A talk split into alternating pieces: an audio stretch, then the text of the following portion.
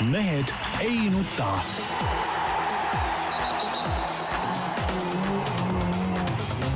mehed ei nuta. tere teisipäeva, Mehed ei nuta eetris nagu tavaliselt Tarmo Paju, tema on Delfist, tervist! Peep Pahv Delfist Eesti Päevalehest, tervist! Jaan Martinson Delfist Eesti Päevalehest ja igalt poolt mujalt. pean vabandama, hääl on kähe, käisin Otepääl, karjusin, et Kristjan Ilves väga hästi võistleks ja meie tüdrukud ja nii ta paraku läks. ma muidugi pean siin sekkuma tõe huvides, kuna ma olin ka Otepääl koos Jaaniga, siis Jaan seal muidugi ei karjunud. küll aga on see kähe hääl ikkagi teatud, teatud asjade manustamise tulemusena tekkinud, sest et noh. seda te, seda te tegite koos, ma arvan. me tegime, ütleme väiksed soojendused tegime fuajees koos, siis Jaan sulgus eh, enda kambrisse. On kahtlus, et seal olid siiski ka mingid kangemad kraamid, sest et järgmine hommik oli jutt alati suhteliselt segane et noh, ja sealt ka läheb see hääl kähedaks.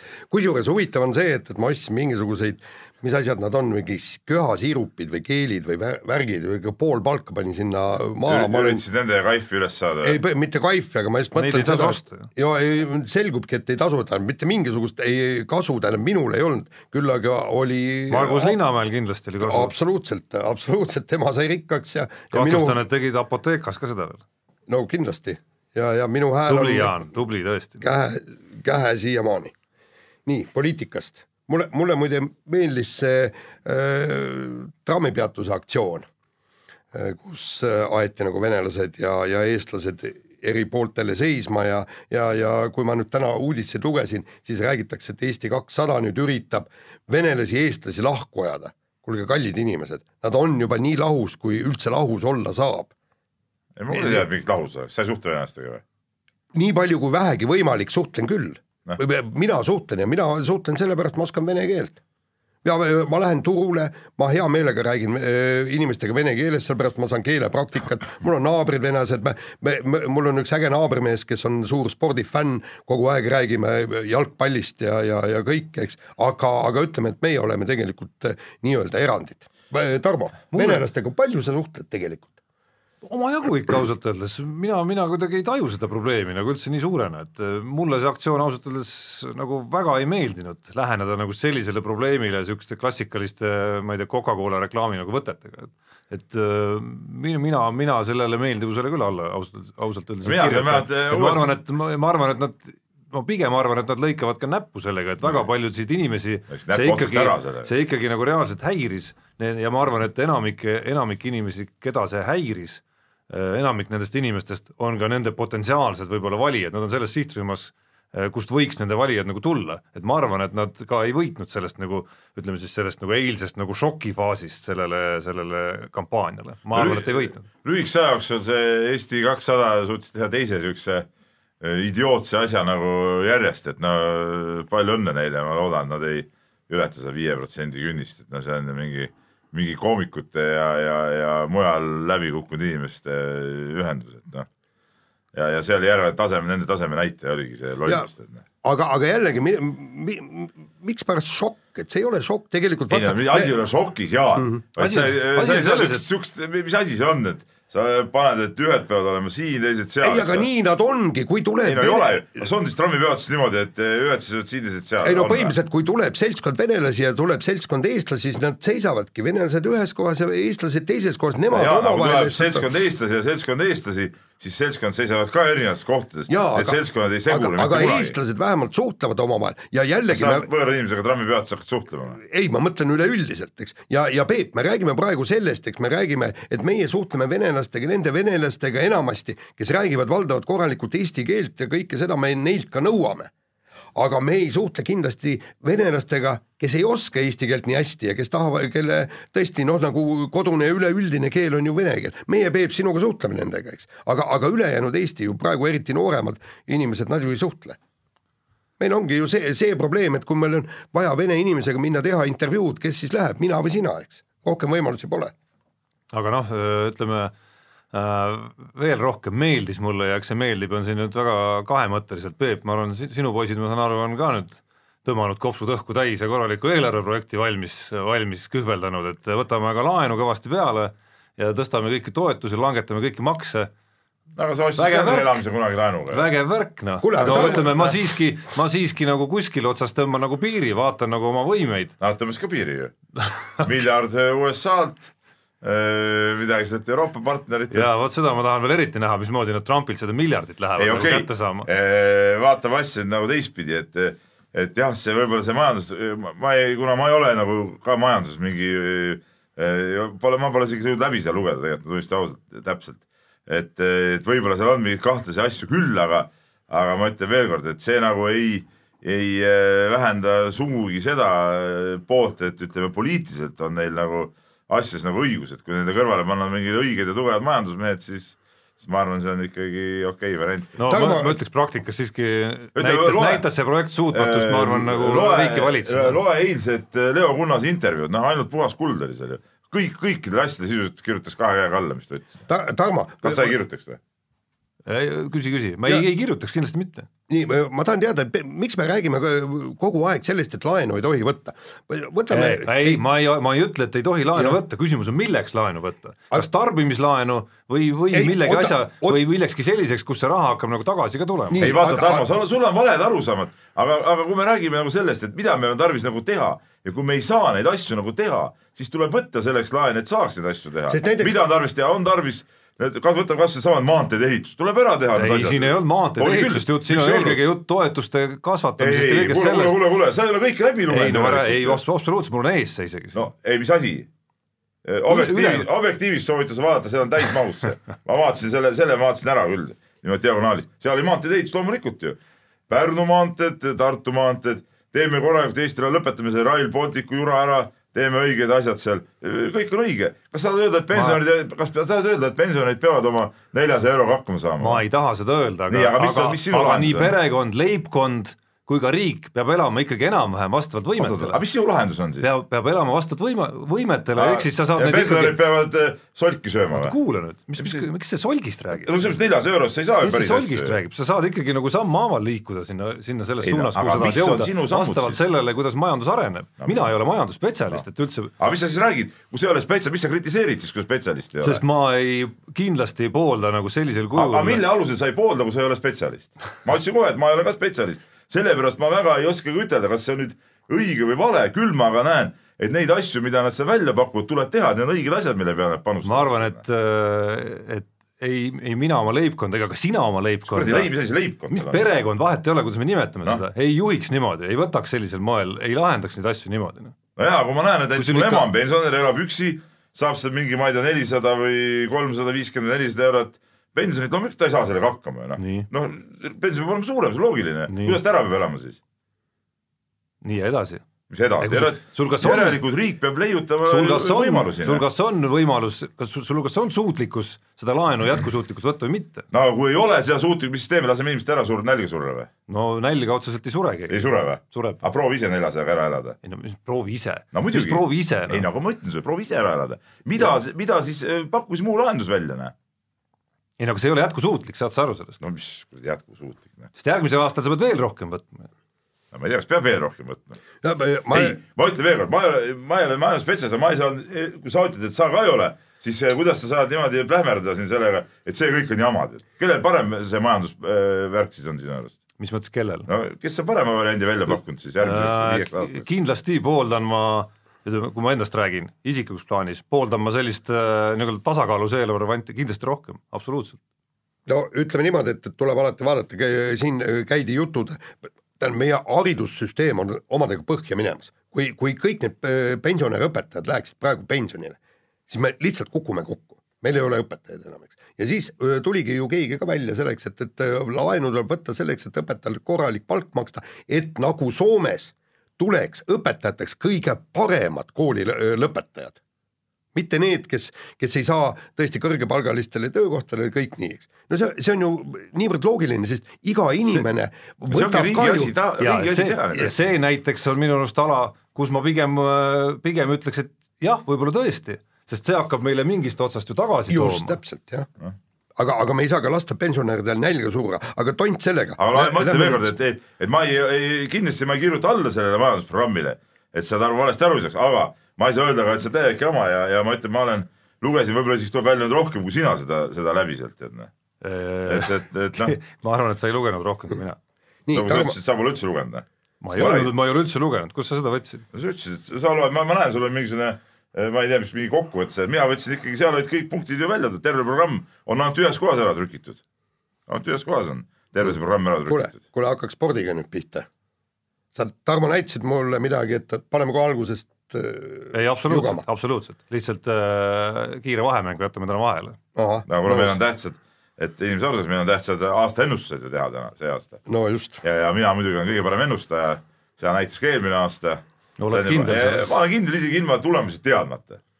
no vähemalt mul oli nagu ideoloogiliselt oli mul õige. ahah, ahah nii Äh, räägime kahevõistluse MK-etapist äh, Otepääl ja Kristjan Ilves siis lõpuks jõudis puh-, punktidele, hurraa selle eest, aga ütleme nüüd niimoodi, et, et võrreldes esimeste etappidega, kus ta oli ikkagi noh, omadega täiesti seal suusarajal null, siis, siis nüüd on edasiminek toimunud ja, ja ma pakuks välja, et ta on jõudnud üle-eelmise aasta tasemele. no mina ütlen nii, et äh, minu jaoks oli Ilvese suusasõit oli kindlasti igasuguseid lootusi ületav et, et mina küll ei arvanud, et ta pärast äh, seda haigusperioodi, pluss pärast oli see äh, kõhuviiruse häda tal, et, et kõik see, mis on seda organismi söönud, pole saanud trenni teha, suudab ikkagi suusatada sellisel tasemel, nagu ta suusatas, noh.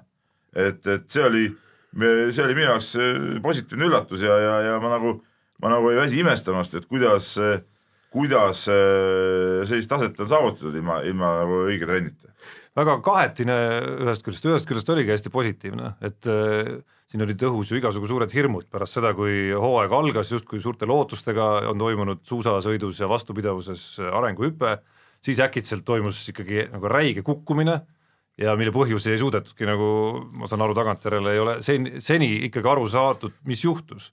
et selles mõttes oli see rahustav ikkagi, see kogemus Otepääl et, et ilmselt ei ole mingit kõige hullemaid stsenaariume, mis äh, ohustaks tema kuidagi ütleme, karjääri, ikkagi ei ole nagu juhtunud, need hirmud tohutust ületreeningust ja nii edasi.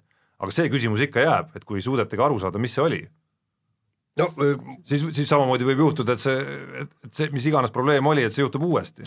uuesti ei saada aru. ma, ma arvan, et, et probleem oli selles kahes viimases nädalas enne seda hooaega, kui lund ei olnud ja, ja kui nad treenisid mitte paplanu ehk siis mitte plaani järgi.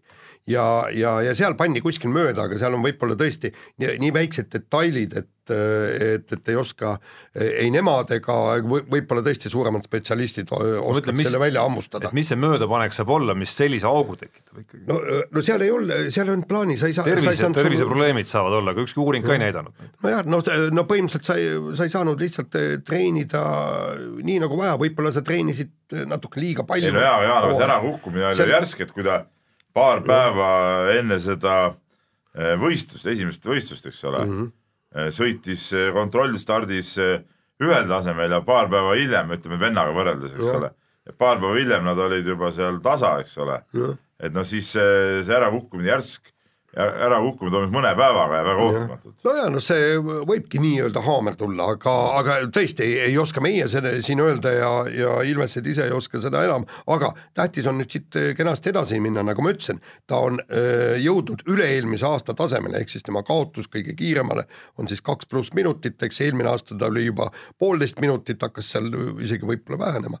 et, et nüüd ma loodan, et paari-kolme järgmise etapiga ta jõuab eelmise aasta äh, kehvemate päevade ta tasemele ja siis hooaja lõpuks MM-iks, kui ta eelmise aasta parimate päevade tasemel on, siis me räägiksime jälle kohtadest kahekümne seas.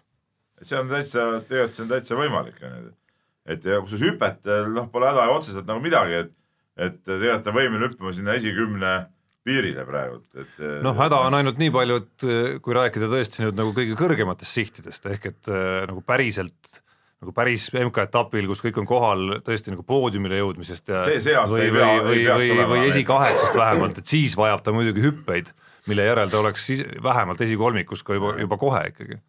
seda muidugi, aga no ütleme praegu arvestades kõike seda, neid asjaolusid, eh, hooaja alguse probleeme, siis praegult eh, see Otepää võistlus oli kokkuvõttes ikkagi pigem positiivne, näitas, et ütleme, see hooaeg päris raisus ei ole, näiteks mina olin enne seda võistlust absoluutselt kindel, et see hooaeg on täiesti raisustav ei no pigem oli tunne juba, et, et miks ta üldse ronib sinna ja et ja nii edasi ja nii edasi, eks, et, et see emotsioon oli selline, et huh.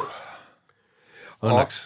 aga kiirelt veel tüdrukud. võtaks need tüdrukud ka jah korraks ja. läbi, et, et noh, tegelikult äh, meie hea kolleeg Madis kirjutas ka õige kommentaari kogu selle pulli kohta, eks ole, et, et, et see naiste kahevõistlus on ala, kus on praegu võimalik nagu olla nagu mängus sees.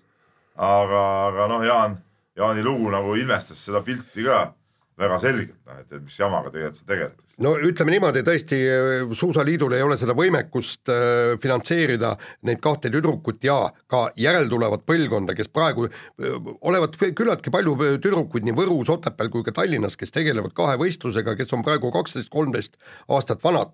ehk siis, ehk siis neid tuleks ka nagu push ida, aga praegu me räägime Anne-Mari Bendist ja äh, Triinu Ausenbergist, kes on tõesti mängus sees see, ütleme niimoodi, nad on praegu noh, Ausenbergil oli selle kukkumise tagajärjel oli, läks võistlus nä nässu, põlv haige kõik, aga Anne-Mari Bendi hüppas täiesti kenasti, suusaaeg näiteks teisel päeval, kui oli kakskümmend kuus võistlejat, tal oli kaheteistkümnes suusaaeg, mis ei ole sugugi paha. aga nüüd mis see kaotuses tähendas? ajaliselt? üks pluss minutit ikkagi, nii aga, aga kui me võtame need kiiremad, need on temast, palju see oli siis nüüd öö, kaheksa aastat vanemad ikka, ikka täiskasvanud sportlased, nii. ja kui nüüd neile mõlemale panna tipptasemel ettevalmistus taha, ehk siis nad saavad korraliku varustuse, korralikud treeningud, korralikud laagrid, kõik, kõik see, mis on vaja, korralik toitlustamine, kõik see, et noh, tegeleks nagu tippsportlased nagu teiste riikide sportlased, siis ma arvan, et, et sealt on lootust aga paraku ei ole, neil on kahe peale üks paar võistlussuuski. ja no see ei ole, see ei ole normaalne, et äh, Hausenberg pidi laenama endal suusad. Äh,, Bendil on üks paar ainult, ühesõnaga sõltumata ilmast, eks, selle ühe paari ta peab sõitma nii äh, külmal lumel kui ka lumepudrus kui ka kõik, no, no saate ise aru, eks, kes suusatama ja, ja, ja, vot Jaan, see ongi asi ongi kummaline, et, äh, et, et ütled, et ei ole nagu alaliidul vahendeid nagu ülalpidamiseks. no kokkuvõttes need suusad ei maksa ju mingit, ma ei tea. kolmsada viiskümmend euri. no jaa, no aga mis kolmsada viiskümmend euri, see on pisku, see ei maksa mingeid no. tuhandeid ja tuhandeid, okei okay. ma saan aru, ega, ega jama ka see, kui neil oleks, ma ei tea, igalühel üks või kaks paari suuski peaks igal juhul nagu rohkem olema.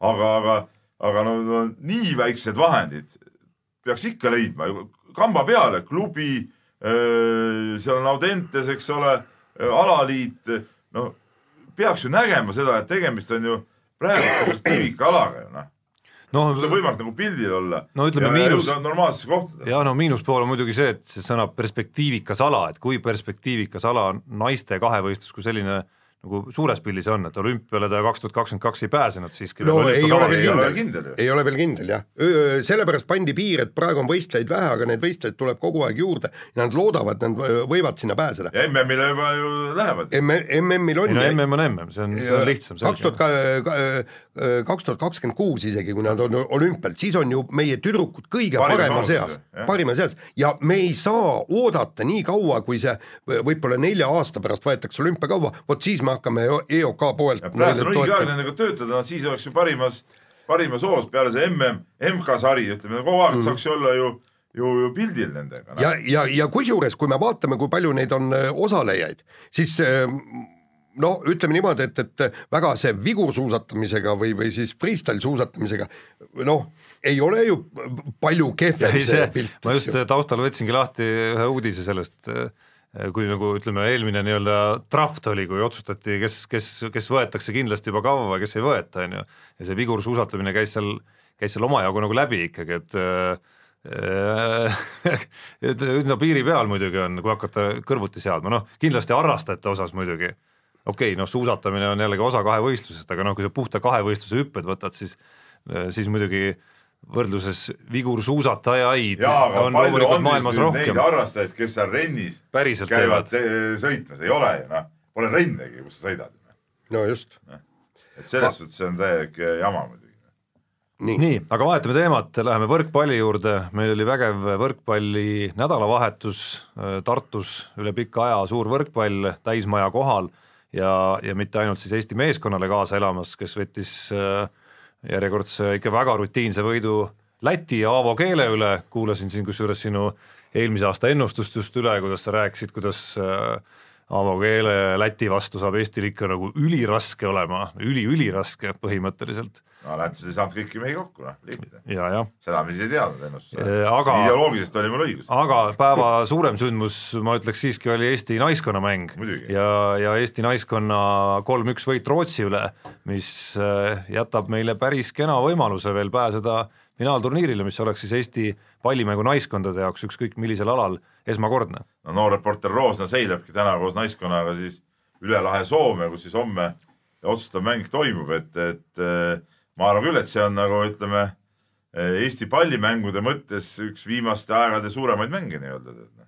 kindlasti. et niisugust elu ja surma peale mängu sellisel tasemel noh, tuleb väga harva ette ja, ja erakordselt see, et, et ega naised ei ole ju kunagi midagi saanud, et no nüüd on ükskord võimalik tõesti, see naiskond saabki sinna finaalturniirile, no see oleks nagu, see oleks muuseas ka märk jälle, vot me räägime siinsama, ma toon paralleeli selle naiste kahevõistlusega.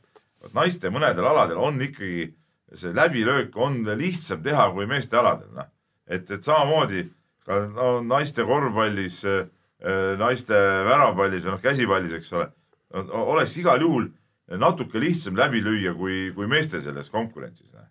ja, ja seda tuleks ära kasutada, neid olukordi ja praegu, et see võrkpallinaiskond välja pandi ja, ja nad võistlevad ja mängivad tüdrukud on ju kuskil kõik väljamaal, täitsa normaalne punt on koos ja näe, kohe on finaalturniiri kandidaadid. no eriti olukorras, kus, eriti olukorras, kus finaalturniiril osalejate arvu suurendati ka seal. jah, aga muu seas ja, ja kusjuures jällegi see on, see on poliitiliselt väga tähtis, et see naiskond sedavõrd hästi mängib ja eriti veel, kui ta finaalturniirile pääseks. sellepärast, et ma kujutan ette, et äh, selle edu taustal ja, ja, ja see ongi, mis on üks eriti tähtis asi, on olemas, no väikestel tüdrukutel on eeskujud. Ja kui nad näevad, kui hästi, kui vägev asi see on, et kuidas võrkpalli mängitakse kõik nii, siis ma kujutan ette, et hakatakse tungima ka sinna võrkpallitrenni, nüüd on järgmine asi, eks, et need kõik tahtjad soodetakse vastu võtta, aga see jällegi paneb Eesti tüdrukut rohkem liikuma, kui ta tuleb võrkpallitrenni, et vaatab, et see on jum, jumalast äge asi. Ja, ja, ja see ongi, riik peabki seda võtma ühena seda tippsporti kui innustajana, mitte ainult medalid ei ole siin, siin on see innustus ka väga tähtis. Ja kusjuures muidugi oleks sellele naistele pühendatud rohkem aega ka varem, ehk siis neil oleks olnud rohkem kogemusi, siis ma arvan, et nad oleks praegu juba kindlustanud selle koha finaalturniirile pääsus, sest kaks mängu nad ju kaotasid kaks-null eduseisust nii Rootsile kui ka Soomele esimene mäng. ühes see..., ühes neist oli vist äh, kas mitu matšpalli veel kaks-null seisu peal, seitse vist jah? jah, ja, ja, ja jutt ju käibki sellest, et, et see aasta alles anti neile võimalus seda hõbeliigat mängida kõik, eks. kui nad oleks seda kõike teinud. mänginud, no oleks teine, teine level oleks. oleks teine ja, level, jah. ja sellest tulenevalt äh, ma kusjuures äh, nagu ühest küljest arvan ja teisest küljest kardan, et see mäng Soomega saabki nagu äärmiselt keeruline just nagu psühholoogilise poole pealt Eesti naiskonnal olema et ühest küljest sa mängid võõrustaja Soome vastu, kes on äh, lisaks veel mitte oma parimas koosseisus, aga sellegipoolest piisavalt heas koosseisus, äh, pingeid absoluutselt ei ole Soome naiskonnal. Ja siis on Eesti naiskond, kes äh, noh, olgem ausad, on näidanud selles tsüklis, et mingitel hetkedel võib psühholoogiliselt neil nagu raske see, olla, ka see, ka seesama nädalavahetuse kohtumine, esimene game ikkagi kodupubliku ees läks, läks ikkagi kuidagi nagu läbi, säraküünlana nagu läbipõlemise nahka, et, et nüüd sellises olukorras äh, see, see ei ole üldse lihtne mäng, absoluutselt lihtne mäng just tänu sellele, millele sa viitasid, et äh, selliste mängude kogemust vähemalt Eesti naiskonnana on nüüd kogutud ainult siis üks, üks aasta põhimõtteliselt jah, ei selles suhtes muidugi et.... ja kusjuures need tüdrukud on kõik olemas, nad olid ka eelmine aasta ja üle-eelmine aasta ja kõik. ja see ei ole mingi jah, nüüd nii noorte tüdrukute võistkond, et me poleks nagu saanud varem seda ja. välja panna või, või, või kokku või neile kogemusi anda, et, et selles suhtes on on absoluutselt õigus. nii, aga nüüd äh, läheb kohe Peep kirjade juurde ja. ahah, kõlle vahepeal ei tule täna Tarmo või? no paneme kõlli no, ka. kõlli ka. tõmbasime hinge. nii, ja võtame kirjad ette, Georg on esitanud siin küsimuse, koosneb kahest osast ja ma ütlen, esimese osale ma ei oska vastata, ma küll äh, küsimus selline, et, et ähm, kas Ott Tänak on Türgi MM-ralli võidu eest saadud jahil kruiisi ära kasutama, ma tunnistan ausalt, kohtusin Ott Tänakuga eelmine nädal aga unustasin seda küsida, see kiri oli minu arust meile enne seda juba tulnud, aga unustasin selle ära kahjuks, nii et Georg, järgmine kord, kui Otti näeme, siis küsime, aga äh, küsimuse teine pool, kuulake ära intervjuu Indrek Saarega, ta siin toob, paneb lingi üks Vikerraadio intervjuu spordipühapäevast ja ta ütleb, et järgneva nelja aasta jooksul saab tiim Estonia täiendavalt kaheksa miljonit eurot alustuseks, kas ajakirjanikud teevad kalendrisse risti, et kaks tuhat kakskümmend kolm küsite, kas raha eraldati või mitte? Ja kas selle kohta on allkirjastatud ka mingi dokument? no põhimõtteliselt ma võin nii palju öelda, et, et kui, kui härra Saar öö, lubab spordile mingisugust kindlat ja konkreetset summat, mis on niisugune väike summa, siis ma arvan, et sellega ka ta teeb, et näiteks üks miljon ju mm, praegu tuli juurde, mis, mis pandi sinna äh, Team Estonia katlasse. teate, need on nii väiksed summad, et, et nende pärast ei tasu üldse põdeda, need kaheksa miljonit nelja aasta jooksul ehk siis kaks miljonit iga aasta, no see, see on niisugune näputäis, me räägime kakskümmend miljonit aastas. Ehk siis me peame esialgu jõudma aastas kümnele miljonile. Ja, ja nagu EOK ja Team Estonia öö, loojad ja öö, on öelnud, et see raha kõik peab tulema riigilt, nii et, et noh, Saaret tuleks küsida, miks ei ole kümmet miljonit eraldatud, miks eraldatakse ainult kaks miljonit, vot see on küsimus. jaa, aga tegelikult küsimus on muidugi ka selles, et, et see täiendav raha ikkagi sõltub noh, sellest, mis, mis koalitsioonileppesse saab, noh, et see nagu kui sa sinna ei saa, siis ei tule ka mingit raha. ei no ma arvan, et, et ei. see on nii väike tühine, tühine kopik. kui sa selle... sinna ei saa, siis ei tule ka mingit raha. no jah. väga palju loeb ikka valimistulemustest ka. no ma loo-, ma, ma tegelikult loodan, et, et me räägime suurematest summadest. ma ei ole kindel, et see valimistulemustest niivõrd oleneb, kui noh, okei okay,, põhimõtteliselt oleneb see, ütleme siis nagu kahe partei meelsusest ja ma ei ole alustuses saanud isegi aru, kas Jüri Ratasel isiklikult on meelsus Äh, toetada seda plaani või mitte? ma arvan, et Jüri Ratas on see meelsus. tõsi, samas äh, Jüri Ratast me teame kui sellist konsensuse otsijat, et kui, kui, kui kõik partnerid ei ole ka nõus sellega, siis, siis, siis, siis, siis ta ütleb, et mina siis ta ütleb, et mina olen nõus, aga konsensust pole, jääb ära. miks ma ütlen, et see sõltub jälle palju valimistest ja noh, siin on muidugi nüüd üks väike vastuolu tekib, eks ole. noh, see, et sotsid on nagu saatanast, see on nagu selge oma olemuselt onju.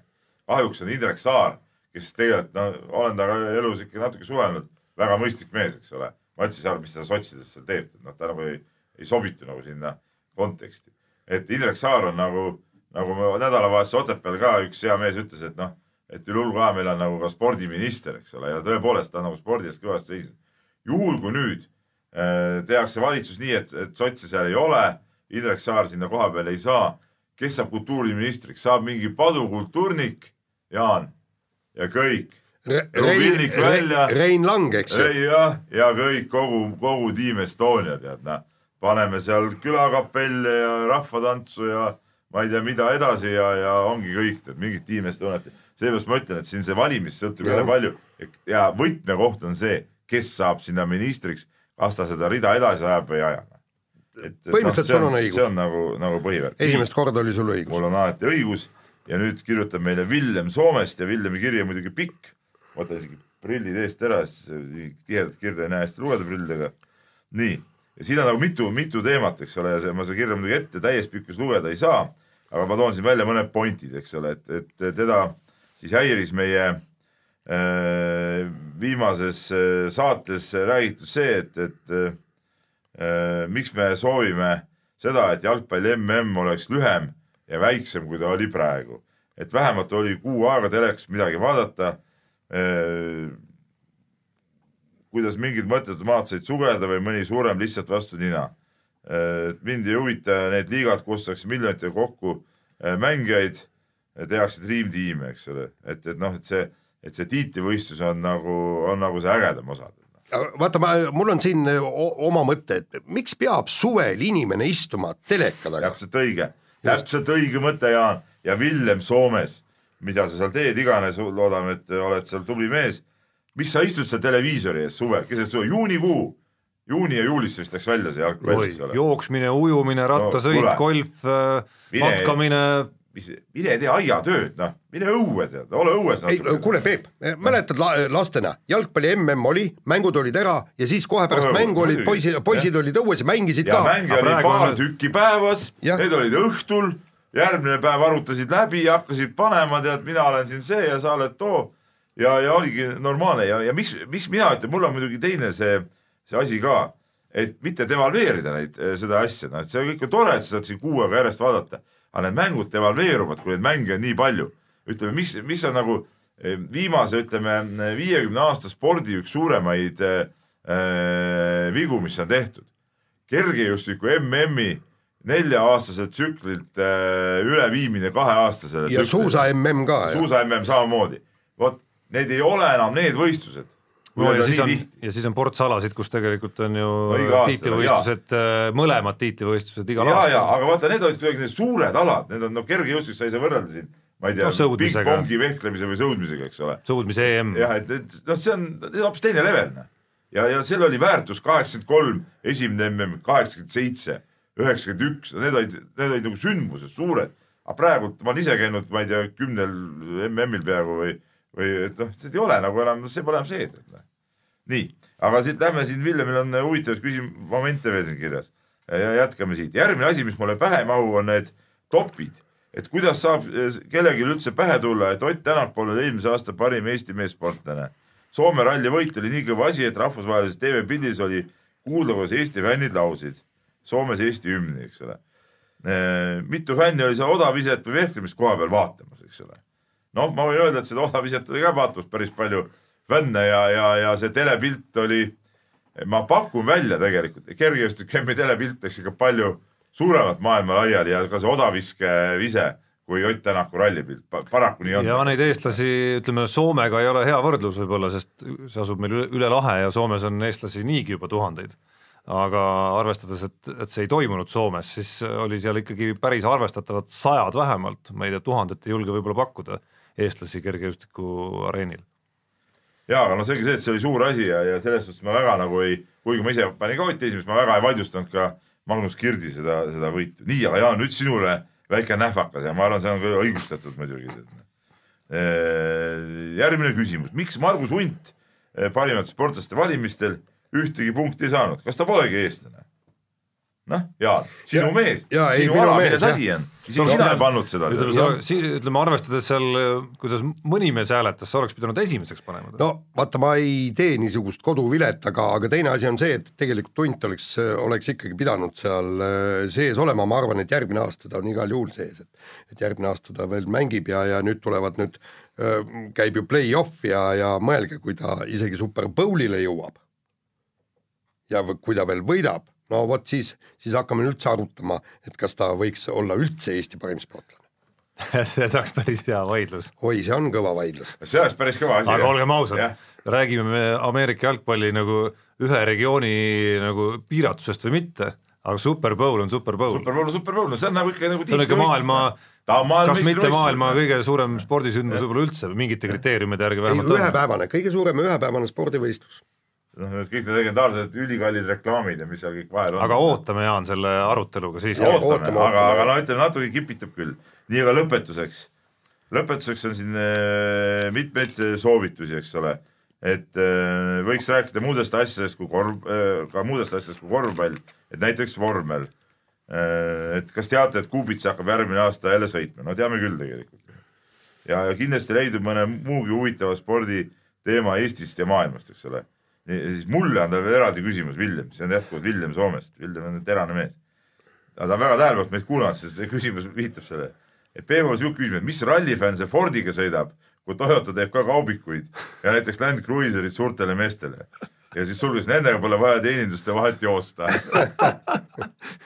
see on päris hea. väga, väga õige küsimus. terav torge jah, aga mul ei ole kaubik muuseas, Villem, mul on ikkagi. väike buss. see ei ole ka buss, see on maht universaal, kaheksakohaline aga kuigi Toyotal on ka need olemas muidugi jah, aga sel hetkel, kui ma ostsin, siis need Toyota vanad, need ähm, Äh, mis need, mul ei sul... Mark praegu meelde, need, vanad bussid, neid olid kuidagi nagu viletsad ja see uus oli just välja tulnud ja ma ma päris uut ka ei tahtnud nagu osta. kas sul siin seda õigustust ei ole siiski, ma rutan sulle appi siis veel ta sõitis äh, Fordiga. just, täpselt, et sel hetkel, kui sa soetasid selle, sõitsid sa Fordiga. Ja nüüd ikkagi tulles tagasi saate alguse juurde, ütleme siiski, sa ei taha nagu EKRE moodi ikkagi lõhki laenata ennast, et kohe vahetada Ford Toyota vastu. jah, ma siin tead kaalusin vahepeal autovahetust, aga see jäi mul katki ja Land Cruiser sellepärast sinna mahub liiga vähe, liiga vähe inimesi sisse, mul on vaja vahepeal neid korvpallipoisse siin sõidutada. Need kasvavad ka jubedasti. nii ja siit muidugi, aga Villem Soomest, ma rõhutan, on väga õige mees muidugi. ja siis veel selline poliitkommentaar, et üldiselt ma mõistan, miks Peep on EKRE mees. vot see on õige. aga sama asi oli ka Soomes, kui need perussoomlased peale võimule pääsemist hakkasid hoopis muud tegema, kui mida rääkisid, kui mida nad rääkisid enne valimisi, eks ole, noh no.. seda me veel ei tea, loodame, et nad ei hakka aga näed. ma saan aru, Peep hakkas lugema seda lauset suure lootusega, et siit tuleb nagu. EKRE-le toetust ja siis avastas lause ei, lõppedes. ei, ma teadsin, mis lause lõpus tuleb. siis avastas lause lõppedes. sellepärast ma tegingi vahepeal pausi. sellepärast ma tegingi vahepeal pausi. vähen pahasti meni nüüd. aga Villem saab aru, miks ma EKRE mees olen. iga normaalne mees saab aru, miks peab EKRE poolt olema, tead jätame selle majanduse ma saan, ma saan, ma saan ka, Peep, aru, miks sa oled, aga, aga ise jään siiski, võtan volituse mitte olla. aga meil on nüüd muidugi, meil on muidugi päris kiire juba. jaa, ei okei okay,, rohkem kiirupealt ei võta, lähme siis saatega edasi, kas me nüüd no kapame Nii. kiiresti kolm, kolm väiksemat asja võib-olla läbi, enne kui läheme, läheme uue aasta küsimuste juurde. no vana aasta kokkuvõte ka veel teha sellest. jaa, jah. Äh, Eesti-Läti korvpalliliigas äh, üks äh, ameeriklane andis lõuga, ma ei hakka seda nime sinna välja, lätlasele andis lõuga, noh, okei okay aga, aga sai kolmemänguse keelu, aga kusjuures see lõua andmine oli ikka väga efektne, ütleme niimoodi, et, et puhas knock-out. no oleks see olnud poksiring, oleks see olnud tõesti võib-olla aasta knock-out'i kandidaat. ja, ja tead, me sellest oleme rääkinud ka, me andsime isegi eelmine aasta, äh, aasta viimases saates või uue aasta esimeses saates välja selle tiitli, aga no mis, mis seejuures häiris muidugi, oli see, et äh, see karistus, noh, ja, ja, ja ja see, et kuidas lõpuks äh, rahatrahvi nagu ei saanudki, sellepärast et Eesti ja Läti pool ei jõudnud summas kokkuleppele. et üks tahtis viitesadat eurot vastavalt juhendile, see on siis Eesti pool, lätlased nõudsid suuremat summat, era, nii-öelda erakorralisemat lähendust, lähenemist sellele juhtumile ja kompromiss oli siis, et ärme üldse tee. no ma ütlesin, ma eile rääkisin Keijo Kuhiga ka telefonis, meil oli seal, no niisama rääkisime natuke, arutasime olukorda ja, ja ma ütlesin talle ka, et ja ma ütlen nüüd ka siis, et see oli nagu nii erakordne tegu nagu noh, see ei olnud nagu see ei olnud nagu võrreldav sellega, et noh, ma ei tea, ma seal korvi all, ma ei tea, Tarmole panen küünarnuki kogemata siin kõrri või, või hambad käivad plõksti kokku, keeletükk tuleb öö, otsast ära, eks ole. aga see oli ikka, see oli teise spordiala harrastamine seal vahepeal. No, siin olnud... nagu, see nagu väljub nüüd juhendi raamistikust. ja seal ei olnud ka tegelikult ju mingit. Tegelikult provotseerimist ei olnud no, ka. Noh. et üks asi on tõesti no. nagu selline tahtlik küünarnuki hoop näiteks, millele reageerida siis rusikahoobiga näiteks, mida ikka aeg-ajalt juhtub aga antud juhul oli lihtsalt tavaline füüsiline kaitsemäng, millest üks olukord midagi, sai ka lätlasel minu arust veaga, veaga ja, kohtuniku poolt karistatud.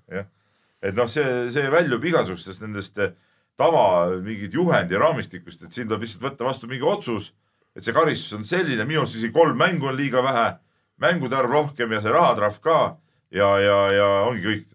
minu arust on Eesti Korvpalliliit ka aastate jooksul tegelikult olnud üsna leebe kõikide karistustega et, et ma kiidaks nagu lätlasi vähe niisuguse nagu asjakohasema ja kaasaegsema lähenemise eest kogu, kogu sellele nagu maailmale, kui keegi on selliste rikkumistega hakkama saanud, aga mis mind nagu muretsema natukene paneb, on see, et üsna pretsedenditu oli ka Läti Korvpalliliidu äh, avalik teade või avaldus pärast äh, selle karistuse määramist, kus nad ikkagi avalikult ütlesid selle välja, et me olime Eesti Korvpalliliiduga erineval meelel, et meie arust oli see absurdselt äh, leebe karistus mis omakorda mulle viitab, et äh, ma ei tea, kas meil järgmine aasta on see liiga, vaevalt nüüd selle ühe intsidendi pärast, aga see näitab, et asjad võib-olla seal liiga juhtimises ja kahe korvpalliliidu läbisaamises ei pruugi väga head olla, mis, nagu ma ütlesin, paneb mind muretsema selle pärast, et mulle meeldib Eesti-Läti korvpalliliiga ja ma arvan, et meil on seda rohkem vaja kui lätlastel.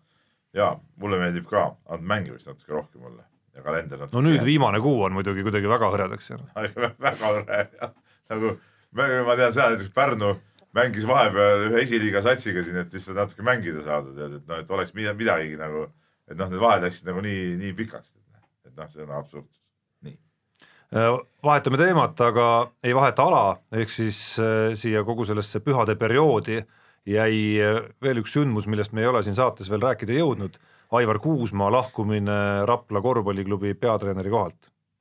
nojah, ütleme, et eks see oli võib-olla mõnes mõttes see oli ka asjade loomulik käik, sest ütleme, see Rapla, see hooaeg on olnud üks, üks itke viletsus nagu maakeeli öelduna, et et eh, ei olnud seal õiget mängu ja ei saadetud võite ja, ja see koosseis on nagu on. et, ehm, et seal natuke see vesi oli seisma jäänud ja, ja, ja võib-olla, eh, võib-olla oli Aivar Kuusma ise ka ennast ammendanud võib-olla selle koosseisu eesotsas, no see on, see on ka üks võimalus, aga, aga ega me täpseid selgitusi pole tead veel saanud ja see, see kõik seisab alles ees ja klubi juht oli ka ära nüüd eile, ta saabus alles Eestisse.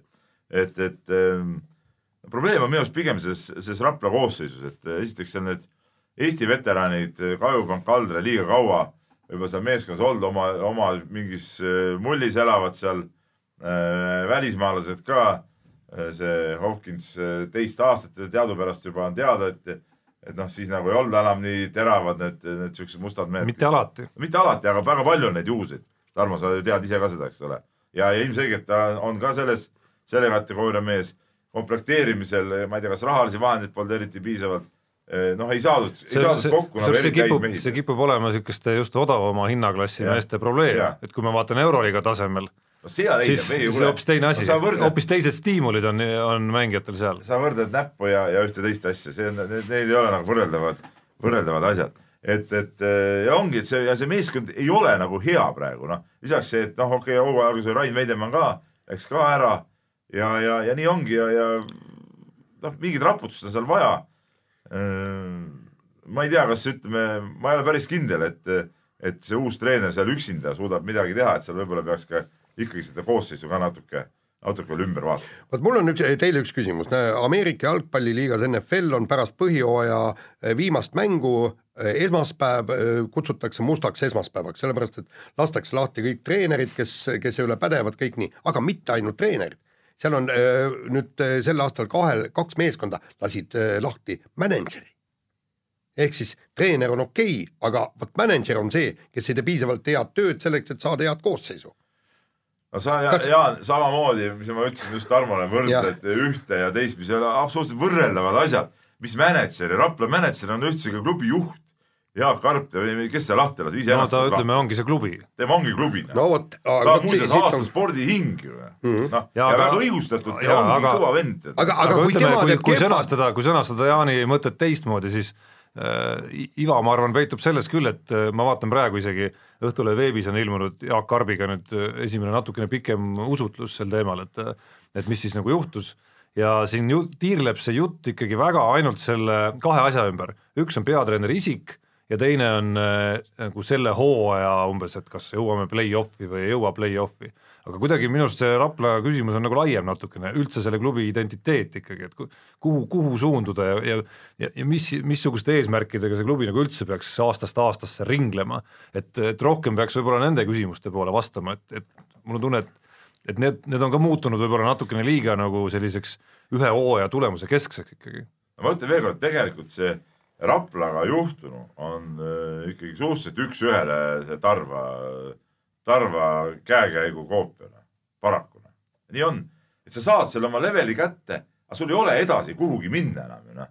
ei ole edasi kuhugi minna ju noh ja siksidki oma ponksi no. peal nagu, nagu Tarvas. nii nagu Tarvas sai mitu aastat süda, Rapla saab mitu aastat, okei okay,, korra said finaali, Tarvas võitis korra karika, eks ole. Tarvas oli ka finaalis ükskord ju. ja oli ka finaalis ja, ja seal ongi see level on sul käes, no sul ei ole kuhugi edasi minna enam. mis saab edasi siis? jaa, aga teisalt peitub selles ju teatav võlu olla näiteks selline klubi, ma ei tea, kolmkümmend aastat tõesti oma, oma selles äh, kohalikus kogukonnas omada tähtsat rolli, tuua sisse kogu aeg oma mängijaid äh, ja, ja, ja kõik, kõik, kõik need asjad, selles peituks oma võlu, aga, aga praegu need asjad on nagu puudu Raplas. jaa, need on puudu, esiteks, teiseks see kõik on ikkagi, see võlu on ühtlasi ka seisev vesine no kas ta peab, kui sa vaatad, kui sa vaatad ringi Euroopas, olgu see Hispaania liiga või Saksa liiga, igasugused Ludwigsburgid, äh, ma ei tea, Mitteldeutscherid ja, ja mingid ja. klubid ja klubid ja klubid, kes toovad nädalast nädalasse oma kogukonna inimesed saali, äh, võima, võima, kindlasti paljudel juhtudel oma mingeid mängumehi sinna, pakuvad mingit etendust, omavad selles kogukonnas mingit positsiooni, ma ei usu, et nad vaatavad seda kui sellist nagu, et oh, me oleme siin mingi seisev vesi nojah, ei, ma ei, ma ütlesin, on küsimusi ja kuidas seda nagu lahendada, et see, no seal, seal võivad olla ka mingid lahendused, miks ta ei ole nagu seisev vesine. aga praegu ta kuidagi, see hooaeg jäi nagu see vesi seisma seal. Ja huvitav jah, et, et kas, kas Kuusma valla, vallandamine. oota, korra, natuke neid märke oli juba eelmine hooaeg tead tunda. ja kas Kuusma vallandamine nüüd paneb punkti kogu sellele allakäigule ja teeb klubi paremaks, ma ei usu nii no., kuule poisid, aga äh, kas me üldse lähme siit edasi veel? no või? kiire küsimus, äh, Jaan peab vastama, kas Margus Unt äh, ja Indianapolis Colts jätkavad oma imet ja, ja, ja jõuavad veel kaugemale kui hetkel kaheksa hulgas? ja ma loodan küll, sellepärast et ei, ma ei küsinud, kas sa loodad, me kõik loodame. ja ei, kindlasti, ütleme, et finaali jõuab äh, välja, ma pakun. kõigepealt Kansas City Chiefs ja siis ilmselt tuleb vastu New England Patriots ja no sellega läheb raskemaks, aga, aga ma arvan, et, et võetakse ka Tom Brady maha ja, ja väga suur osa okei, okei. kas Unt saab äh, play-off seerias kirja vähemalt äh, veerand äh, säkki? veerand saab. võib-olla ka pool. veerand Tom Brady säkki Super Bowlil, ma saan aru. et ta riivab ei, Super Bowl tuleb äh, ilmselt äh, selle Saints äh,, Saintsiga, New Orleans Saintsiga tuleb. ei, sa rääkisid Patriotsist? ei, Patriot on poolfinaal, okei. aga tähele pane, noor mees jälle pea laiali otsa, ei tea, mille peale mõtleb. ja siis tuleb Drew no, Brees vastu. nojah, ikka jälle seesama. oota, pane, paneme kõlli ka. nii ja nüüd on meil vaja kõigepealt võtta eelmise aasta ennustused noh, vaatame siis, kes no, sai. ja siis, siis uue aasta ennustused vaatame siis, kes oli meie traditsiooniline aasta teise saate ennustus äh, tuleva aasta spordisündmuste kohta, kümme jah-ei küsimust ja ütleme siis, kuna meid on kolm, siis ühegi küsimuse puhul liiki, liiki tekkida ei saa ja eelmisel aastal kümnest taratata saime pihta viis. no näe, viiskümmend protsenti. no pole paha. no NBA-s idakonverentsis saaks sellega play-off'i, lääne konverentsis äh, mitte. no jaa, kui sa viskad kolmeseid kümnest viis, noh, võib mängida küll. no kolmekesi vastame, ütleme see kolmeste paralleel võib-olla on antud juhul kõige sobivam isegi. jah kümnest viiega oleks Euroliigas ütleme ütleme meeskonnana oleks ikkagi parim ülekaalukalt. absoluutselt, see on täitsa okei okay. Äh, individuaalselt lugesin ka kokku, nii, nii, see on kõige huvitavam osa loomulikult äh, ja peab tõdema, et äh, Peep ja Tarmo on saanud kuus pihta, Jaan on saanud viis. no ma ütlesin ju, et ma võidan. vaata, kuna, kuna vaata Tarmo oota, kus ah?, kuidas sa minust ette saad? sellega, et vaata sina ennustad jälle nagu ebahuvitavalt mina ennustan nagu nii, nagu asjad tegelikult nagu peaksid olema või, või kuidas nad nagu võiksid olla. ja aga teie puhul on, ei aga teie puhul on see, et teie ennustate umbes. ei, ei vastupidi, mina just lähtungi nagu hetkeolukordadest noh umbes kohe ennustame. jaa, no kuldkiri, eks. ja kui no. sina mööda paned, siis on nagu argumenteeritult paned mööda. ei, siis on, ei, ei, ei, mina, oot-oot-oot, stopp, minu ennustused on kõik õiged, aga lihtsalt sündmus ei toimu sündmus nii, nagu ta ei peaks. sündmus ei vedanud välja. ei, ei vedanud välja, ei toimunud nii, nagu ta pidanuks toimuma, jah. see on sündmuse viga, mitte minu viga. ja kui kiiresti üle käia, siis äh, Ott Tänak ei tulnud maailmameistriks äh,, eestlane tuli olümpial viieteistkümne parema hulka. kusjuures me panime väga täpselt. kuidas? me pakkusime, et tuleb maailmameistriks või? me pakkusime jah, et tuleb.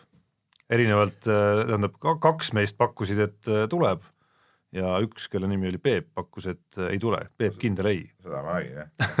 Aga okei okay,, kiiresti veel edasi, ehk siis äh, vastasime õigesti, et Anett Kontaveit lõpetab aasta äh, kõrgemal kohal maailma edetabelis kui Kaia Kanepi, vastasime valesti, et äh, Eesti vehklejad ei võta ütleme, Eesti vehklejad võtsid vähemalt kolm medalit, oli küsimus, nad võtsid, võtsid rohkemgi, meie vastasime, et ei võta, ehk siis eksisime siin kergejõustiku EM-il Eesti sai medali, meie ennustus õige, Mart Seim, küsimus oli, kas parandab oma rekordit rebimises vähemalt viie kilo võrra, äh, õige vastus oli siis, et ei, teie kaks panite jah, nii et siis läks see asi valeks mees ei viitsinud tõsta. ei no absoluutselt, ega meie süüdi ei ole. meie oleme mees süüdi. Äh, siis kuidagi väga lihtsa küsimuse oleme läbi lasknud võrkpalli EM-finaalturniiri kohta Äh, kas emmad-kummad, mehed või naised pääsevad, praegune seis on, et mehed on juba pääsenud ja naised võivad pääseda ja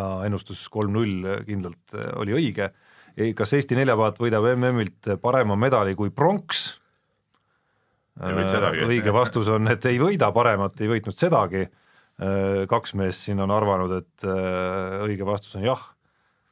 sellest piisas, et vastus valeks läheb võite kaks korda arvata, kes arvas, et ei. mehed viisid trenni teha, ütles no, Hendrikson ütles ära. ja täpselt. Noh. ja siis läks meil valeks vastus, kas jalgpalli maailmameistriks tuleb Euroopa riigi koondis. Jaan ja mina rikkusime selle ennustuse ära Jälle. ja mööda läks ka küsimus, kas Eesti korvpallikoondis pääseb MM valikturniiril järgmisse ringi.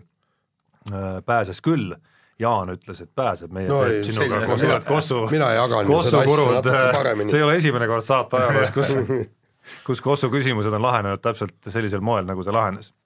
nii, aga kümme küsimust, aega kümme minutit, ehk siis tulistame. kas Ott Tänak tuleb maailmameistriks?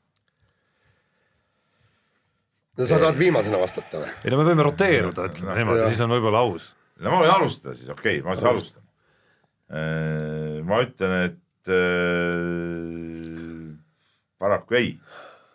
et ikkagi mulle tundub, et, mulle tundub, et see äh, Citroeni ja, ja Ožee kooslus on liiga karm selle jaoks. Täna hommikul just lugesin, lugesin pikemat artiklit Toyota arengust, kuidas Toyota autot üritatakse tulevaks aastaks paremaks teha ja, ja tundi, tundus üsna veenev. Ja, ja sealsamas artiklis oli ka Ossier sõnad, et, et eelmise aasta lõpus oli Ott Tänak kindlasti maailma parim rallisõitja Toyota autoga, eks, noh, et kuna mees on kõva, auto oli kõva, nii. ja ma arvan, et äh, Toyota arendab autot kiiremini, kui Citroen seda teeb. ja kuna Ott Tänak on sõidumehena võrreldav Ožeega, siis ma pakun, et Ott Tänak tuleb maailmameistriks uh,.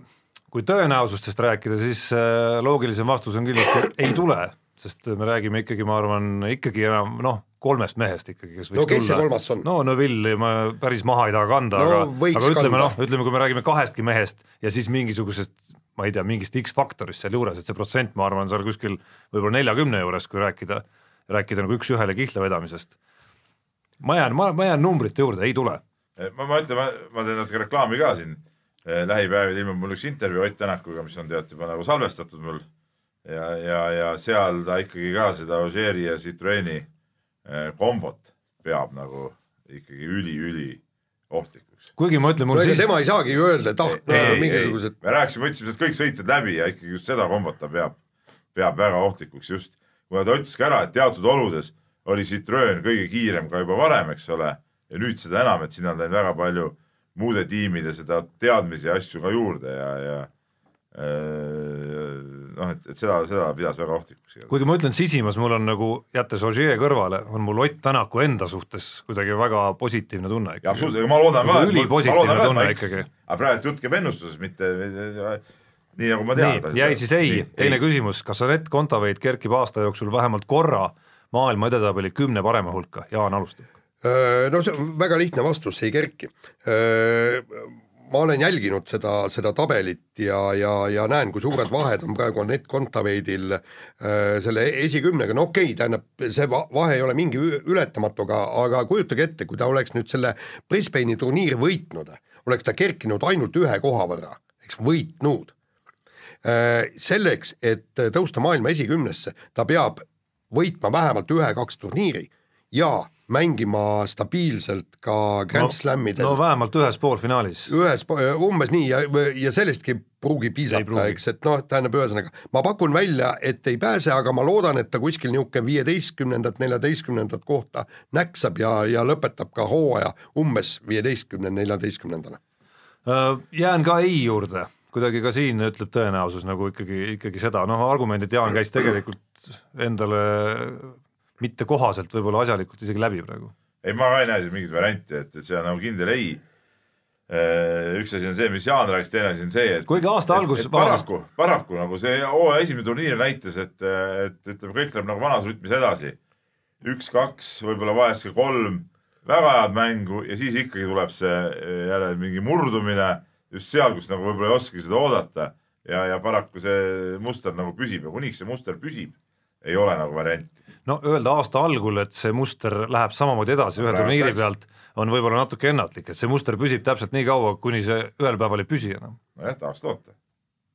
aga okei okay,, jääb ei, kolmas küsimus, kas äh, Eesti meeste võrkpallikoondis jõuab EM-il kaheksa parema hulka? Tarmo, sa jäävad vastama. väga ambitsioonikad äh, latid on pandud siin Eesti sportlastele, no me ei tea ju praegu vastaseidki, eks. Noh, tähendab seda nii-öelda tabeli, eriti seda tabeli osa, et mis sealt nagu tulla võib mm,?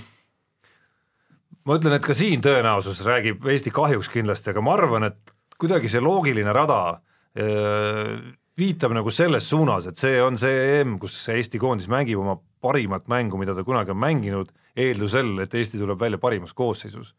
see on see minu, minu nagu kõige suurem küsimärk ja aga, mis paneb mind kõhklema kõige rohkem kui ma teaks kindlusega, et meil on kõik paremad nurgaründajad, kes võiks seal koondises olla, siis ma paneks jah.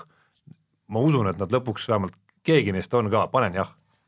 no ma ikkagi panen ei, sest et äh, ma ei oska öelda, kas see koondis on nüüd saanud veel, veel paremaks, kui ta siin äh, eelmisel EM-il näiteks äh, oli. et nad ühel tasemel on kogu aeg püsitud, edasi pole sealt saadud.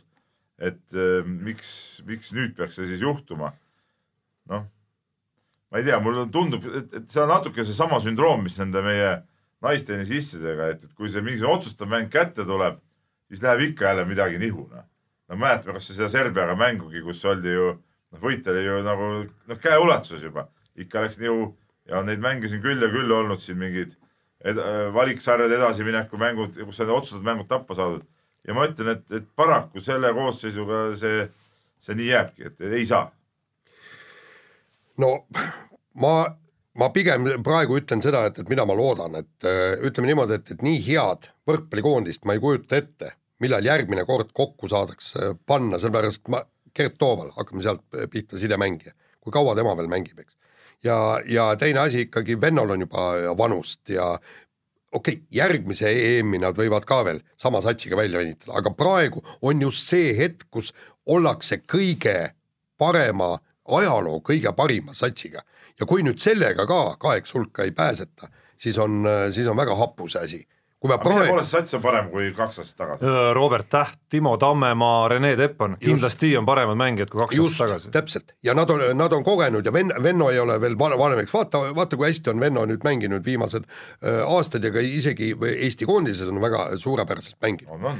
et selles mõttes, et läbi aegade parim võrkpallikoondis ja, ja eeldusel peab et äh, ka Martti Juhkam ja Keit Pupart tulevad sellesse just. miksi vähemalt, kelle mm. hulgast Gretu saab valida mängijaid. noh, ta peab ise ka selleks samme astuma. ja, ja, ja ütleme niimoodi, kui selle satsiga ei, ei jõuta kaheksa hulka, siis on äh, asi halb ja ma arvan, et jõutakse. jah ja., Nel, neljas küsimus, kas Magnus Kirt viib Eesti odaviskerekordi äh, numbrini, mille esimene number on üheksa? minu kord neile alustada, jah. Ei, et no tegelikult oleks ju ulme loota, et äh, teine selline hooaeg tuleb järjest Girdil. et äh, jah, muidugi tal see baas on selleks nagu olemas, et, et visata ja, ja õiget vahva oleks, kui see ka juhtuks. et äh, selleks, et visata üheksakümmend meetrit, peab olema ikkagi jälle stabiilselt seal kaheksakümne viie-kuue meetri peal nagu läbi hooaja püsima. et äh, et minu arust Kirdi jaoks on nagu võtmehooaeg see, et, et nüüd ta viis enda leveli eelmine aasta viis sellele tasemele, ütleme nii, et ta oli sisuliselt üheksakümne meetri mees juba, eks ole. ja, ja see keskmine tase oli seal kogu aeg olemas. et kas nüüd on nii palju seda tarkust ja oskust, et seda levelit hoida või tuleb sealt alla minek, selles on praegu see küsimus, eks ole. suudab seda hoida, siis ta jah, teeb selle ära. kui tuleb väike tagasilöök, siis ta ei tee. ma arvan, et pigem on loogiline, et see hooaeg võib tulla jälle väike tagasilöök, et siis järgmine aasta juba astuda veel veel samm edasi ja sellepärast ma arvan, et paraku seda üheksakümmend meetrit võib-olla see aasta ei tule. no ma isiklikult arvan, et, et Magnus Kirt on natukene parem järgmisel aastal, kui oli sel aastal ja tegelikult, mis üheksakümnest meetrist puudu jääb, on head tingimused ja ideaalne vise, ta on ju väga lähedal olnud me räägime kahekümne viiest. kahekümne viiest. sisuliselt oligi ta seal üheksakümmend meetrit. just, kahekümne viiest sentimeetrist ja selles, sellepärast ma arvan, et ta, ta viskab selle üheksakümmend täis ja ma arvan, et mitte ka üks kord, vaid vähemalt paar korda Jaani järel ennustada on muidugi selline needus mõnes mõttes, sest mees hakkab siin äh, nii mõneski kohas hullu ajama alati. no ikka äh,. praegu sinu hääl otsustab. minu absoluutselt, minu mõte suundub tegelikult ka äh, nagu te esitasite mõlemad nagu poolt ja vastu argumendid nagu ära ja need täpselt ongi sellised, ühest küljest ei pruugi seda taset olla lihtne hoida, teisest küljest ei saa välistada, et, et ta siiski astub ka edasi siiski kohe selle sammu ja üheksakümne jaoks lõpuks on vaja ühte viset ma ütlen jah, lihtsalt selle pealt, et, et selleks on ühte viset vaja ainult. terve aasta peale. küsimus number viis, kas BC Kalev Cramo korvpallimeeskond pääseb VTB liigas esmakordselt ajaloos play-off'i. no Jaan, sa alustad nüüd puterdamisega, jah? ei, mis ma siin puterdan, ma meie korvpallispets number üks. ja ei, absoluutselt ei, ei, mõistagi ei pääse, ma just mäletan eel, ma mäletan eelmist aastat, kui oli niivõrd lähedal ja tal olid ju vastas, olid ju noh, ei olnud maailma kõige tugevamad võistkonnad. Ja kui nad said Kalev seal... Cramo, ma juhin tähelepanu, ei ole ka ise maailma tugevamate seas. Ei no seda nüüd küll, eks, aga, aga ta omasuguste vastu mängides sa, sai vist kolm, kolm mängu tappa, millest ta oleks pidanud ka vist ühe võitma, võib-olla kaks, aga igal juhul tähendab, ei olnud ületamatud vastased, aga, aga ikkagi ei suudetud ennast läbi murda, ma arvan, et ei jõua, jah mina, tavaliselt on kõik need ennustused, mis puudutavad korvpalli, mis on valeks läinud, olnud selle mustriga, et me oleme Peebuga kuidagi nagu realistid, sutsu pessimistid ka veel ja siis Jaan nagu optimistlikult ütleb jah ja mingil põhjusel äh, ikkagi nagu Eestil läheb hästi või, või Eesti esindajatel. et antud juhul läheb tundub mulle siis vastupidi, sest äh, mul on tegelikult päris hea tunne Kalev Cramo praeguse meeskonna osas. ehk siis isegi hoolimata sellest, et on mängitud pool hooaega siin ilma ühe oma eeldatava liidrita, mine sa tea, võib argumenteerida, et see tuli kasuks hoopis, suures plaanis, suures mängus ma arvan ikkagi, ikkagi mitte. ehk siis äh, viimase aja mängud, seesama võõrsil võit, ma enam ei mäleta, kelle vastu see oli isegi, äh, seal oli see Krasnojarsk äkki või? see viimane, mida nad võõrsil sai. Ja, ja seesama kodumäng Moskva CSKA-ga, millest me siin saates ei ole, ei ole jõudnud isegi rääkida, on andnud mulle kuidagi kindlust ja veendumust küll, et, et sel aastal Kalev Cramo teeb tegelikult selle ära, et, et see koosseis on selleks suuteline, see koosseis on näidanud sellel hooajal juba päris mitmel erineval korral ka võõrsil täiesti olulisi arvestatavaid võite võttes, et nad, et nad on nagu vaimselt selleks valmis, ma arvan, et jah. Paraku jah, ma olen ka seda meelt, et jah, et kui, kui mitte tänavu, siis eh, millal siis veel, et esiteks meeskond on tõesti nagu saanud kokku päris hea. pluss, vabandust, on teinud veel Kairise teine hooaeg, eks, ehk et siin on nagu tehtud korralikult tööd, treenerite tiim on korralik. ma tahtsin hakata just sellest rääkima, et, et on, on, on minu arust nagu hea treener. ja, ja, ja mis veel nagu on oluline eh, moment, noh, et ta on saanud ise selle võistkonna oma eh, näo järgi komplekteerida, et siin ei ole nagu midagi kaela ajada ja, ja tegelikult tundub, et ta on seda ikkagi nagu osanud enam-vähem teha. aga veel üks oluline moment on see, et mulle tundub, et need äh, Venemaa, need keskmised klubid ei ole nagu eriti head see hooaeg. noh, et seal ei ole nagu mingit, mingit väga tasemevahet nendega ja nagu hooaja alguses näidanud, suudetakse nendega mängida nii, nii võõrsil kui, kui kodus, et ainuke asi, mida tuleb vältida, need roll ja kaotus, nagu see Riia VEF-i kaotus oli ja mingeid siukseid asju tuleb vältida. aga, aga, aga ma arvan ka, et see hooaeg nad on võimelised seda saama, nii et paneme jah, et siis me Tarmoga seekord oleme siis optimistid. küsimus number kuus, kas Eesti kergejõustiklased võidavad MM-il Dohas vähemalt ühe medali? Dohas, kus äh, alkoholi hinnad hiljuti kahekordistati. sina alustad? mina alustan jah ja.. Parapapapapa, kivi-paber-käärid, kõlab üks legendaarne laul äh,. ma arvan, et võidavad.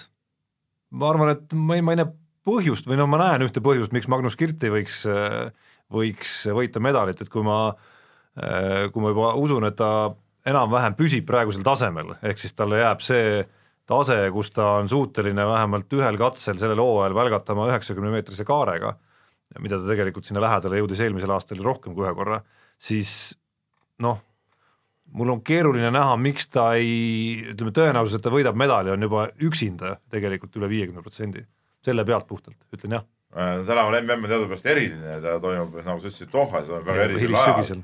ehk siis äh, hilissügisel, vist oli isegi oktoobri alguses, kui ma õieti peast mäletan.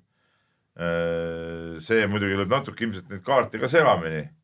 aga teisalt jälle meil ongi ainult üks reaalne medalikandidaat. ongi Magnus Kirt ja, ja kui tema ei saa, siis ei saa üldse, sest et noh, Maicel Uibo on ka võib-olla väike variant aga noh, kõigepealt ta peab terveks saama, vaatame, kuidas sealt vormi asjad üles tulevad ja tal ei ole need, need välistiitlivõistlused veel siiamaani nagu niimoodi nagu välja kukkunud, kui, kui tahaks. et ma ütlen nagu ei, et ei tule medalit oi, ma arvan, et kindlasti tuleb ja ma ma nagu neid kümne võistlejaid eh, tegelikult mitu eh, medalit tuleb või? ei, ei mitut medalit, eh, ei, võib ka mitu medalit tulla, üks on kindlasti Kirt, Kirt on kindlasti suures mängus sees, aga suures mängus on sees, absoluutselt, ma jah ja.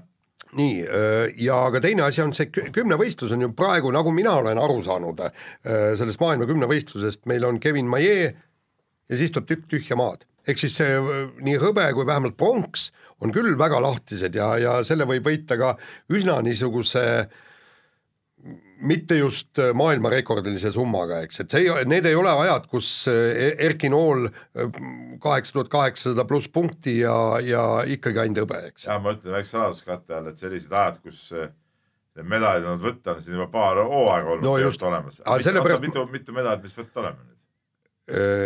No me, me oleme vähemalt saanud neljanda koha no,. nii, ei, see ei ole medal, aga see on medali äärekese peal. nii, ma arvan, et, et võimalusi on rohkem kui üks, rohkem kui Kirt ja ma arvan, et võetakse medal, jah. küsimus number seitse, kordame eelmise aasta küsimust, ehk siis kas Eesti vehklejad võidavad suurvõistlustelt kokku vähemalt kolm medalit? no teie pärast vist me panime valesti eelmine kord või?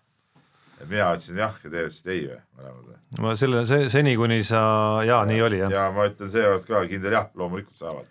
et ega vehklite tase selles suhtes meil lange, et EM on ka, MM on ka, et neid võimalusi on lihtsalt äh, nii palju nendel, et, et küll need kolm medalit kokku tulevad no just, vaadates, kuidas nüüd on Katrina Lehis ka suurde mängu sekkunud. nüüd sa jaanuar, oh just, just., eelmine aasta olid tead noh. no ma, ma ei tea, kus ma olin. ilmselgelt tuleb ju noh no. no., viis medalit oli selge sa oleks isegi viis öelnud nii, ei kolm medalit tuleb ikka kokku jah, ütlen seekord. väga optimistid olete, arvestades, et aasta lõpp vehklejatel nüüd võib-olla kõige, kõige positiivsemalt pärast seda esimest hurraad ikkagi nagu ei läinud. kuigi minu häälest, ma saan aru, antud juhul ei sõltu nagu mitte midagi enam, sest kaks poolthäält on antud juba, siis siis nii esimesena vastates kui praegu viimasena vastates vastan nii, nagu, nagu ise tunnen, et et, et, et ei tule, et see oli siiski suhteliselt erakordne ja, ja meil ei ole kõik need aastad ikkagi päris niimoodi kulgenud. no enamasti iga aasta. võtame ja hakkame kolmikvõite nagu võtma kogu aeg. ei no kolm medalit oli ju on, on ju üle-eelmine aasta näiteks. jah, just. noh, ütleme mingi, mingi äraspidise loogikaga on ebareaalne, et see ka sel aastal nii juhtub kas, kas meie vehklemine on Sest nagu päris nii kõva? üle, üle-eelmine aasta võttis juba ainu, ainuüksi Beljajeva kolm medalit, eks ja. ju ja, ja kusjuures neljanda medali e EM-i naiskonnavõistlusena nad väristasid puhtalt ära, nad olid pronksi matšil, nad oleks pidanud tegelikult poolfinaali juba võitma. okei okay.. nüüd tulevad olümpiapinged ka peale veel, juhin tähelepanu. no just mm. -hmm. küsimus number kaheksa, kas Kelly Sildaru kaotab aasta jooksul pargisõidus mõne võistluse? ja mina pean nüüd vastama, jah. ühesõnaga, ta võistleb X-mängudel, MM-il ja siis no ma pakun välja mingid kaks MK-võistlust äh, teeb ka veel kaasa no vot. no pluss mingid Q-tuurid ja mingid. ei, Q-tuur on läbi juba jah. ei, see aasta lõpus tuleb ju. aasta me teeme aasta peale, Jaanik. ja uus hooaeg läheb sinna sisse. jaa, ütleme niimoodi, et, et kuidas nüüd tema areng on võrreldes teistega, teised tulevad ikkagi väga võimsalt kuklasse. esialgu küll pole märgata seda tulekut. ei no nad teevad juba keerulisemaid trikke ja, ja, ja kõik, ei, ma pakun välja, et kaotab jah. ütlen, et kaotab, edasi vaadake teie.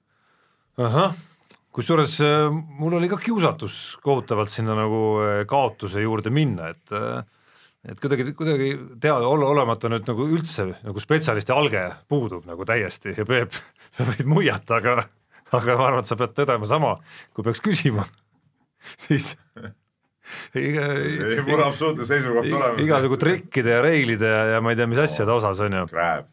Crabid ja, ja kork, ma juhin tähelepanu ka siin, aga ütleme, kuskil tuleb üks võistlus, kui ta, kui ta võib-olla ei õnnestu kõige paremini ja, ja kuskil tuleb see üks võistlus, kus, kus keegi konkurentidest astub kannale, ma arvan, et ühel hetkel ikkagi la, la, las Peep ütleb, ütle jah ja las Peep vastab, praegu sa annad talle niisugune väga ei vastupidi, aa, et jätta ta otsustajaks. no vot. ei, mina tean. seal vahet on, ta, ta, tal on jumala ükskõik sellest. ei, ma ei, ma tean täpselt vastust. ma ütlen, et äh, kuidas, mis vormis me küsisime, ma arvan, et jah, kaotab ühe võistluse et minust ei sõltu nagu midagi, nagu ma aru saan praegu, aga ma ütlen, et kõige ajaloo huvides, et kuulake siis aasta hiljem üle, sellel spordialal puudub igasugune tase ja konkurents, et äh, ei kaotada loomulikult mitte midagi, seal peale Kelly Sildaru ei olegi ühtegi tõsiseltvõetavat sõitjat, nii ongi. küsimus number üheksa, kas mõni Eesti murdmaasuusataja, laskesuusataja, kahevõistleja või suusahüppaja pääseb aasta jooksul vähemalt ühel MK-etapil, ühel võistlusel esikümnesse. sina pead. ei mina..., siiski mina pean alustama. ei, ei, mina pean alustama ah,. jaa, jaa, absoluutselt, mõtlesime selle küsimuse hommikul Peebuga välja suure mõttetöö tulemusena ja. ja mulle tundub see väga, väga intrigeeriv äh, küsimus tegelikult. ja ma pakun, et õige vastus on jah sellele küsimusele ühest küljest annab alust selleks jahiks seesama suusahüppel jääb teise suusa endale kuskilt üles. ei, pidasin eelkõige silmas värsket MK-etappi Otepääl, mis andis vähemalt selle tunde, et Kristjan Ilvesega midagi kapitaalset viltu ei ole, ehk siis, ehk siis vähemalt sügishooajal, kui nüüd mingeid, rohkem mingeid äpardusi ei tule, on ta, ma arvan, kindlasti võimeline esikümnesse jõudma, ilma et see oleks mingisugune imaime, mida ta peaks olema näiteks noh, isegi lase, isegi kusjuures laskesuusatajate kohta, äh, Kalev Ermitsa kohta ei saa öelda, et, et see oleks ilmaime, kui ta sõidaks mõnel MK-etapil üheksandaks ennast. sa ütled jah, ma ütlen jah. ma ütlen ei, sest et ma ikkagi ütleme selle aasta sees ma nagu ei näe üldse nagu seda võimalust äh, või tähendab selle hooaja sees. et äh, ei no okei okay,, laskesuusatajal jah, seal võib alati lased tõesti kõik pihta ja no selleks on vaja mingit eeldust siiski, aga Kalev Ermitsa see on olemas. Ermitsa tasemelt on see nagu võimalik, aga tõenäosus ikkagi et ta ise kõik pihta saab, on jälle suhteliselt väike, vaadates tema äh, laskmisstatistikat. Äh, Ilvesesse ma ei usu, et ta siiski suudab nii kõrgele tõusta, jah, variandid on sügisel, või mitte sügisel, vaid uuel aastal, eks, uuel hooajal ehk siis aasta lõpus aga pigem ma ütlen ei, et äh, praegu jah, ma ei näe seda varianti. Tarmo, siin üks väike täpsustus oleks vaja, kas kahevõistlejad naised lähevad ka arvesse, miks? järgmine aasta neil on MK. konkurents. Neil on järgmine aasta MK. see konkurents ei ole võrreldav kui nad praegu olid teises kümnes juba, ei MK. lähe, küsimuse statuut ei luba neid arvestada.